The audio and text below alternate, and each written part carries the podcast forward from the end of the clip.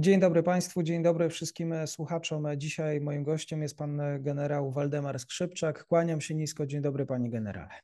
Dzień dobry panu, dzień dobry państwu. Witam serdecznie.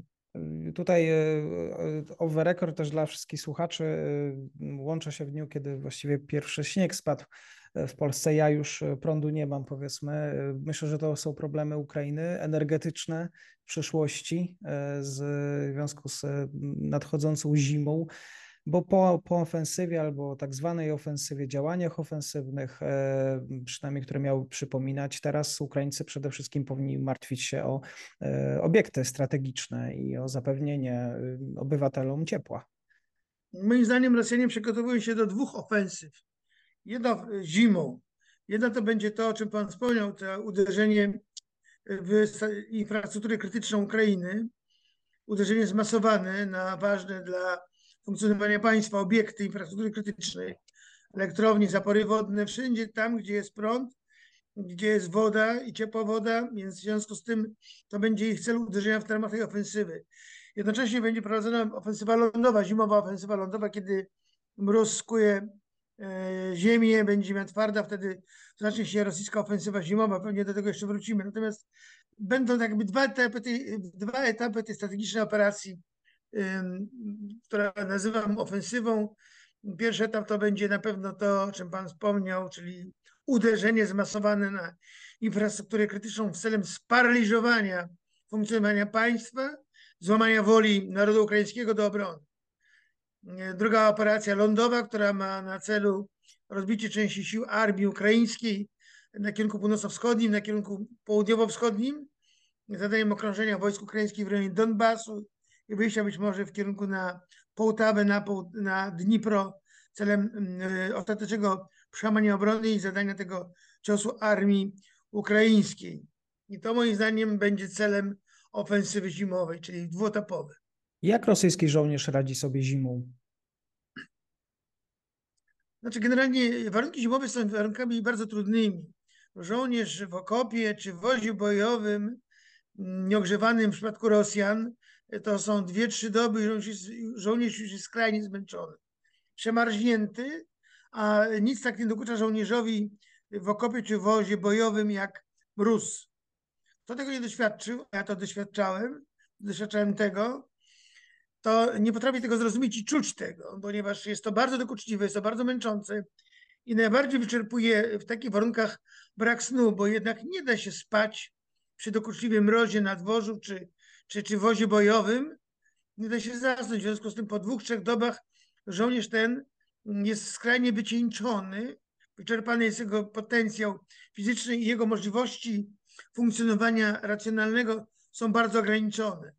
I nie zmienia tego fakt, że w okopach można palić ogniska, bo przecież demaskuje się w ten sposób położenie wojska, nie ma możliwości przebywania w wozie bojowym przy tych mrozach. Także to są bardzo, bardzo ciężkie warunki i wtedy w takich warunkach rotacja oddziałów bojowych jest dużo częstsza niż w warunkach normalnych, bo tych przemarzniętych żołnierzy trzeba wyprowadzić do tyłu, dać im szansę co najmniej dwie doby, żeby odtajeli, żeby się, żeby zjedli ciepłe posiłki, żeby się wyspali. Mhm. Bo sen jest najcenniejszą rzeczą na froncie. Sen. Mhm. Można było spać. Czy, warunki czy... dla Rosjanie mają bardzo ciężkie. Zresztą wie pan, to dotyczy też Ukraińców, bo Obie strony są w okopach, obie są na pozycjach bojowych, przy czym na pewno czołgi, y, które dostali z zachodu, one mają instalacje ogrzewające wozy bojowe, także załogi, załogi mają większy komfort, ale to zmienia fakt, że warunki są zimowe, że warunki są uciążliwe i bardzo dokuczliwe, a tak jak powiedziałem, najbardziej dokuczliwy jest brak snu, bo przy mrozie usnąć się nie da. Czyli Ukraińcy mają lepsze maszyny, wozy bojowe, czołgi, e, że im będzie łatwiej e, w jakiś sposób dzisiaj funkcjonować na froncie w grudniu, styczniu? Na pewno ten sprzęt bojowy, który dostali od, od nas, od Amerykanów, z w ogóle Zachodu, on ma instalacje ogrzewające wozobojowych. Dmuchawy nagrzewające, mają różnego rodzaju urządzenia, które dają to ciepło do wozu bojowego, więc im łatwiej wytrzymać te ciężkie warunki pogodowe. Rosjanie w tych wozach bojowych które zresztą ja też kiedyś przecież jako czołgista jeździłem na T-55, a MT-72 no nie było instalacji e, ogrzewających przedział wozu bojowego, więc było zimno. Kiedy jeszcze silnik pracował, to jeszcze było w miarę do wytrzymania w wozie bojowym, bo to ciepło szło z przedziału silnikowego do, do, do wozu bojowego, do przydziału bojowego. Natomiast kiedy silnik był wyłączony, a w bojowych musi być włączony, żeby nie było można czołgu zidentyfikować, gdzie jest, bo po hałasie silnika można było czołg wykryć, czy po, czy po jego termice, bo przecież emituje ciepło silnik. W związku z tym się silniki włączało, one y, stygły, więc jedynym sposobem spania w warunkach bojowych w nocy to było spanie, nie uwierzy pan, panie że pod czołgiem.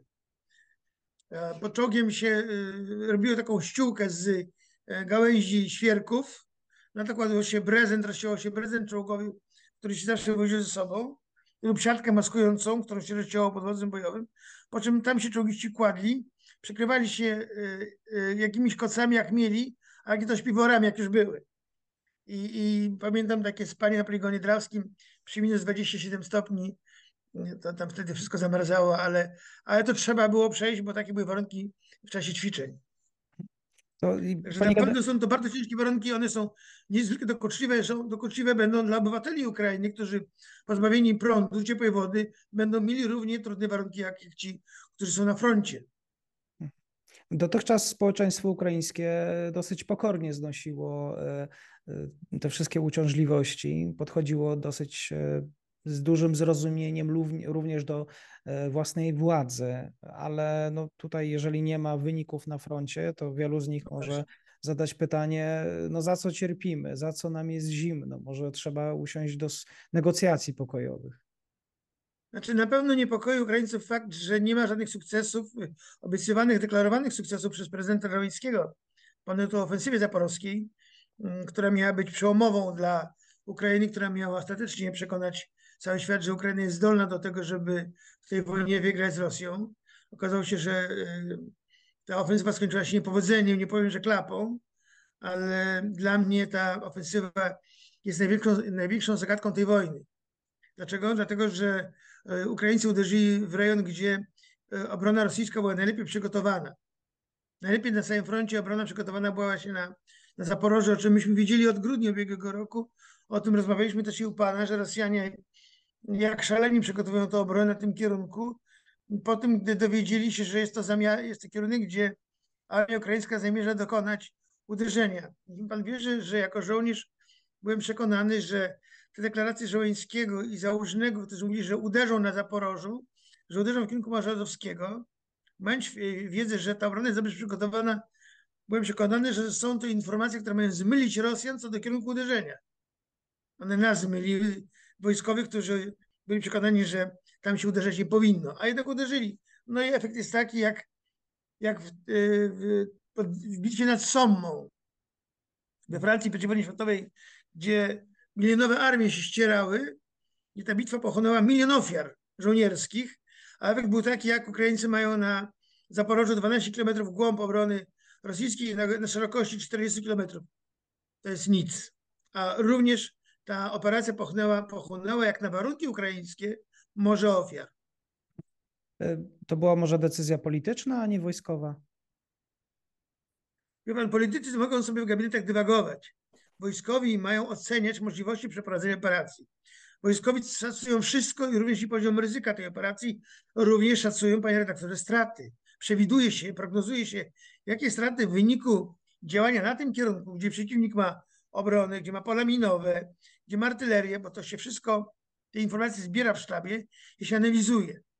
I się ocenia prawdopodobieństwo sukcesu, bo jeżeli się oceni, że e, prawdopodobieństwo sukcesu jest niskie, to się tam nie uderza. To się przenosi wysiłek uderzenia zupełnie gdzie indziej. Nie wiem, jak to sztab ukraiński zrobił, ale jeżeli to była decyzja polityczna, to była to bardzo wroga ukraińskiej armii decyzja. Uważam, że tam Ukraińcy uderzyć nie powinni, ale zadaję sobie cały czas pytanie, czy ten sztab był na tyle dobrze przygotowany, że móc ocenić wszystkie warunki przeprowadzenia tej operacji i sprognozować, czy mogą na sukces liczyć. Ja osobiście oceniam, że, to ja wtedy mówiłem, że powodzenie w tym kierunku jest bardzo niewątpliwe. Jeżeli będą sukcesy, to będą bardzo ograniczone i że przełamanie trzech tak dobrze przygotowanych pozycji moim zdaniem jest, jest e, niemożliwe. Ale przecież tam Amerykanie, Brytyjczycy mieli doradzać również e, na ty, co do kierunku i działań ofensywnych. To, to Zachód... Ja się obawiam, panie redaktorze, że właśnie to jest y, chyba główny problem Ukraińców. Oni są uzależnieni od dostaw y, Zachodu, głównie amerykańskich, i to Amerykanie często w sztabach dyktują im, jak mają działać. Widziałem parę zdjęć y, takiej burzy mózgów generałów ukraińskich, brytyjskich, amerykańskich, pochylonych nad mapami, którzy dywagują nad tym. Tak się zastanawiam, który dowódca amerykański rozumie istotę prowadzenia działań na wschodnioeuropejskim teatrze działań wojennych. My Polacy potrafimy to robić. Myśmy ciągle studiowali geografię wojenną, co zalecam uwadze, polecam uwadze wszystkich pana słuchaczy też, czym jest geografia wojenna, bo bez wiedzy o geografii wojennej nie da się planować działań w skali każdej i taktycznie operacyjnej. Tak. I ja się obawiam, że właśnie te podpowiedzi ludzi, którzy są nasyceni e, wiedzą wyniesioną z Iraku, z Afganistanu, którzy nie rozumieją istoty prowadzenia działań na tym kierunku i sposobu działania armii rosyjskiej, takie podpowiedzi były. Ale to jest inny przeciwnik i zawsze podkreślam to wszystkim, że Rosjan nie wolno lekceważyć. Rosjanie są nieprzewidywalni.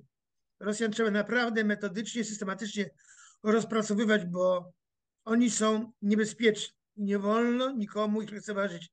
A moim zdaniem to, co się wydarzyło na kierunku zaporowskim jest przejawem lekceważenia Rosjan, co kosztowało armię ukraińską około 400 tysięcy poległych, zaginionych, rannych i poszkodowanych, a ich na takie straty nie stać. I jest to podejrzewam za sprawą tych dowódców, być może i amerykańskich, którzy e, byli hurra optymistyczni co do możliwości armii ukraińskiej, jeśli chodzi o pokonanie na tym kierunku obrony armii rosyjskiej. Czyli Sojusz Północnoatlantycki, e, świat Zachodu nie wie, jak walczyć z Rosją, albo co do tej Rosji się myli. To też wie pytanie pan, o naszą przyszłość, tak. To jest technika szkolenia, mi się wydaje, na poziomie operacyjnym.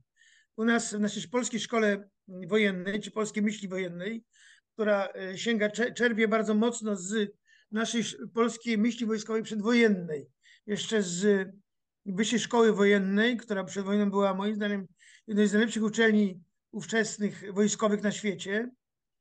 E, polecam lekturę e, Polskiej Siły Zbrojnej, gdzie na zachodzie opracowana w Londynie, gdzie polscy oficerowie sztabowi opisują planowanie wojny, przygotowanie do wojny i jej prowadzenie i robią to naprawdę perfekcyjnie. Mówię tu o polskiej myśli wojskowej, bo ona jest moim zdaniem kluczowa w rozumieniu, w zrozumieniu tego, co się dzieje co się dziać może za naszą wschodnią granicą. I jeżeli ktoś tylko ogranicza przygotowanie się do wojny na e, ćwiczeniach na mapach, na komputerach, no to pan, panie redaktorze wybaczy, to ten nie kształtuje sobie wyobraźni pola walki, bo wyobraźnię pola walki kształtuje widok tego, co się widzi na polu walki. Widzi się z pokładu śmigłowca, widzi się e, wzrokowo stanowiska dowodzenia, ocenia i przewiduje. I to jest e, w polskiej szkole wojennej, którą, którą znaczy z polskiej myśli wojskowej, a może sztuce nauki wojskowego przygotowania oficerów, to jest budowanie wyobraźni taktycznej i operacyjnej. Ja kończyłem Polską Akademię, wbrew temu, co niektórzy mi zarzucają, że kończyłem moskiewskie akademie. Nie, nigdy moskiewskich żadnych akademii rosyjskich nie kończyłem. Kończyłem polskie i amerykańskie, tylko. Nie zasłużyłem sobie widocznie kiedyś na to, żeby iść uczyć się do Moskwy, bo tam tylko szli bardzo wyróżniający się oficerowie. Nie będę tylko komentował. Natomiast u nas się kształtuje bardzo myśl, e, to, znaczy może na, na pewno wyobraźnia pola walki to jest kluczowe i przez to się doskonali tak zwana intuicja taktyczna i operacyjna, czyli możliwość wyczucia, co się może wydarzyć. To dla dowódcy ta umiejętność jest kluczowa. Niewielu tą cechę dowódców ma, ale ją trzeba kształcić kształcić ją w procesie nauki w szkole oficerskiej, w Akademii Wojsk Lądowych czy w Akademii Sztuki Wojennej. To jest ta wyobraźnia plus intuicja. Jeżeli dowódca jest pozbawiony tych dwóch cech, to ten dowódca każdą bitwę przegra, nawet pojedynek e, e, dwóch czołgów. Nie wolno mhm. tego robić, trzeba doskonalić i na tym trzeba się skupić. Tylko widzi pan, mm, problem jest, polega na tym, że niewielu e, edukatorów, czyli nauczycieli to rozumie, to po pierwsze. Po drugie, oni opierają się na ćwiczeniach na mapach i na systemach symulacyjnych, które dają im rzekomo wyniki o umiejętnościach dowódców. Nie. Dla mnie dowódcy sprawdzali się w polu. Na ćwiczenia Anaconda i wielu dowódców, którzy byli moimi podwodnymi, byli surowo przeze mnie ocenieni, bo kiedy wyszła cała dywizja w pole, na pierwszą Anakondę, to był Anakonda 2006, po, po powrocie dywizji z Iraku, niektórzy dowódcy przekonali się, na czym polega pogubienie się na polu walki, niezrozumienie istoty pola walki, bądź z forsowaniem e, przeszkód wodnych i tak dalej. To jest e, cecha, którą powinno się doskonalić i wyłuskiwać tych, którzy potrafią tę cechę posiąść. To jest, e, to, jest to, co, to, co uczył w Wyższej Szkole Wojennej Kutrzeba, to, czego uczył w Wyższej Szkole Wojennej generał Kutrzeba, a potem wpajał e, w już polską naukę wojskową po wojnie niejaki generał Skibiński. Florian Skibiński, który był mm, cały czas na wojnie z, obok generała Maczka. Nauczył się przy Maczku. Może zabrakło właśnie zamiast amerykańskich dowódców przy Ukraińcach polskich generałów, e, polskich e, specjalistów, generała Waldemara Skrzypczaka.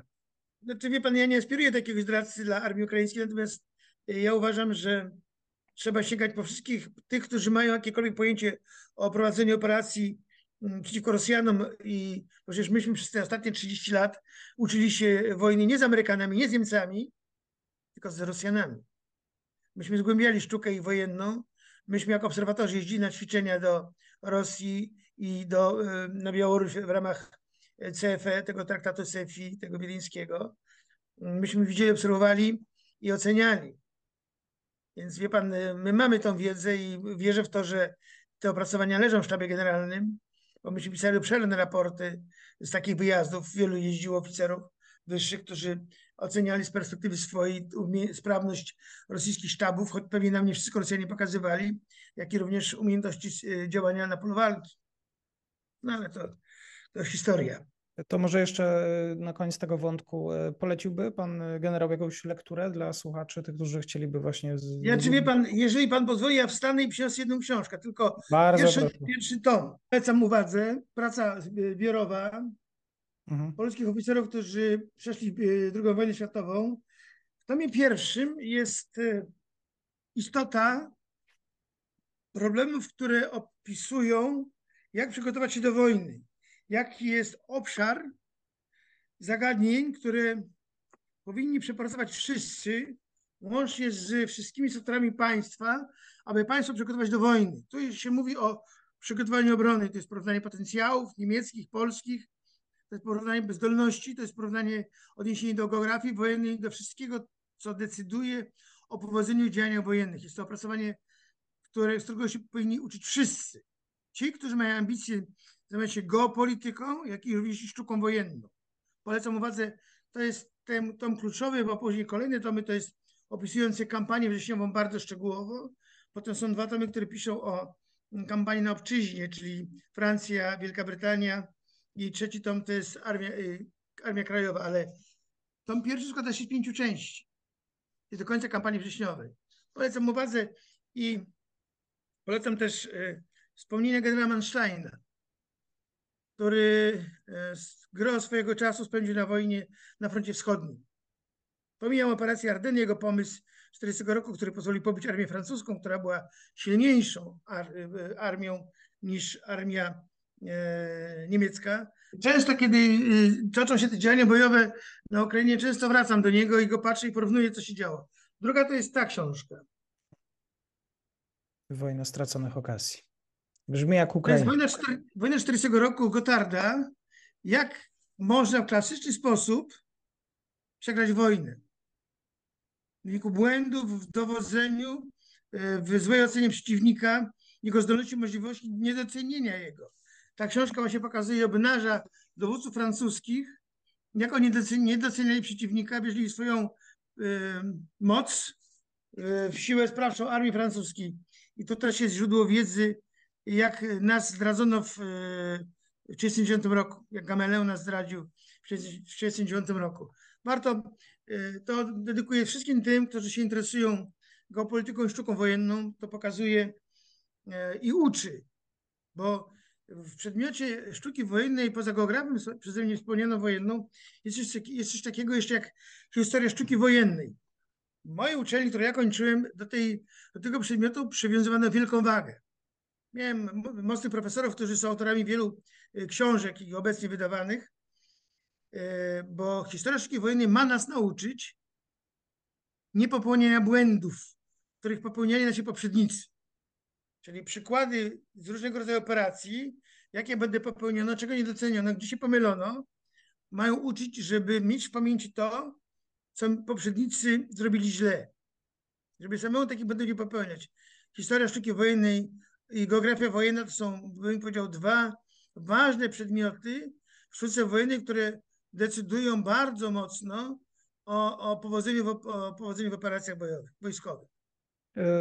E, mówił pan generał również o tym, że e, Rosjanie nauczyli się dosyć e, sporo z tej początkowej, wyciągnęli wnioski z tej początkowej fazy wojny. Może teraz właśnie czas na Ukraińców, na wnioski w Kijowie. Czy myśli pan generał? Rosjanie że... się szybko uczą, zresztą tak było i w 1941 roku, w 1942 i tak dalej. Szybko się nauczyli. No, szkoda, że uczyli, nauczyli się za cenę wielomilionowych strat żołnierskich, bo żołnierze się będą oszczędzać. Natomiast wie pan, kluczową sprawą, jeżeli chodzi o Kijów, to jest chyba to, o czym pan wspomniał wcześniej. Kto w tym sztabie decyduje o prowadzeniu działań bojowych e, czy operacji? Czy jest to pod silnym wpływem, przemożnym wpływem amerykańskich doradców, którzy widzą to inaczej, choć moim zdaniem nie widzą tego dobrze, czy są to decyzje założonego jego sztabu? Bo e, wielu mnie krytykuje też za to, że ja E, krytykuje e, Ukraińców za walkę w Bachmucie czy w Awdijiwce, gdzie ponoszą nieprawdopodobnie wielkie straty. Jedna z brygad, która została wycofana z Bachmutu, przestała praktycznie istnieć. Wyszło 10% żołnierzy. Ta brygada musi być formowana od nowa. 10% żołnierzy, wie pan co to znaczy? To brygada, brygada się wykrwawiła całkowicie, można powiedzieć. Kogo na takie operacje stać? Wojskami trzeba manewrować wciągać Rosjan w jakieś e, sytuacje dla nich niekorzystne, ale nieuporczywie bronić jednej pozycji i na ginąć, kładąc życie na ołtarzu ojczyzny, ale efekt jest żaden. Najgorsze to jest to, że nie ma żadnego efektu. Niektórzy mówią, że to jest wyczerpywanie armii rosyjskiej. Wie pan, obie się armie wyczerpują. Trzeba unikać takich walk dla chociażby po pierwsze oszczędzania swoich wojsk, czyli wyjść, wychodzić spod uderzeń. Stara zasada w sztuce wojennej wychodzenie spod uderzeń. Ukraińcy tego nie stosują, tylko pchają się w ten, te worki, gdzie ich masakrują Rosjanie. A oni Rosjan też masakrują. Wie pan, mm, sztuka wojenna w tej chwili, moim zdaniem, chyba e, ma, e, jest lepiej stosowana przez Rosjan niż przez Ukraińców. Ukraińcy nie mają, moim zdaniem, pomysłu na prowadzenie tych operacji, bo nie proszę zobaczyć, co się dzieje. Na Zaporożu szła ofensywa od północy, od 4 czerwca. Kiedyś też u Pana mówiliśmy, że dobrze by było, żeby Ukraińcy sforsowali Dniepr i pomogli tej ofensywie, uderzając na wojska rosyjskie w Zaporożu od z boku i od tyłu. Uderzając przez Dniepr. Nic się nie wydarzyło. Mija pięć miesięcy, ofensywa stoi, a oni forsują Dniepr. No właśnie. Rosjanie tak. przerzucają wojska, 22 Korpus Armii przerzucają teraz ten rejon. Czekają, aż sforsują, a potem ich utopią w Dnieprze. Wie pan, nie rozumiem tej, tej, tej istoty prowadzenia operacji operacje powinny być obie synchronizowane, a one się dzieją takim jakimś, dla mnie, wybaczy pan, wykształconego wojskowego w sposób niezrozumiały. No ale to nie jestem w sztabie armii ukraińskiej, więc oni prawdopodobnie mają inną ocenę sytuacji operacyjnej i możliwości prowadzenia operacji niż my tu dzisiaj. No właśnie, coś się dzieje właśnie po drugiej stronie Dniepru. Szkoda, że dopiero teraz Załański nadal twierdzi, że jeszcze przed Ukrainą dużo dobrego na froncie, że, że jeszcze armia ukraińska ma coś do, do powiedzenia. Armia ukraińska miała latem ubiegłego roku, kiedy mogła dobić na Zaporożu armię rosyjską. Nie zrobili tego. I to jest dla mnie największa zagadka tej wojny. Znaczy może druga zagadka tej wojny. Bo trzecią to jest y, wymknięcie się 30 tysięcy żołnierzy rosyjskich z przyczółka hersyńskiego, czego też powiedzieć nie mogę. Jak to się stało, jak, jak ich wypuścili z tego, z tego kotła Ukraińcy. E, natomiast, e, wie pan, problem był, e, chyba jest coraz poważniejszy niż nam się wydaje.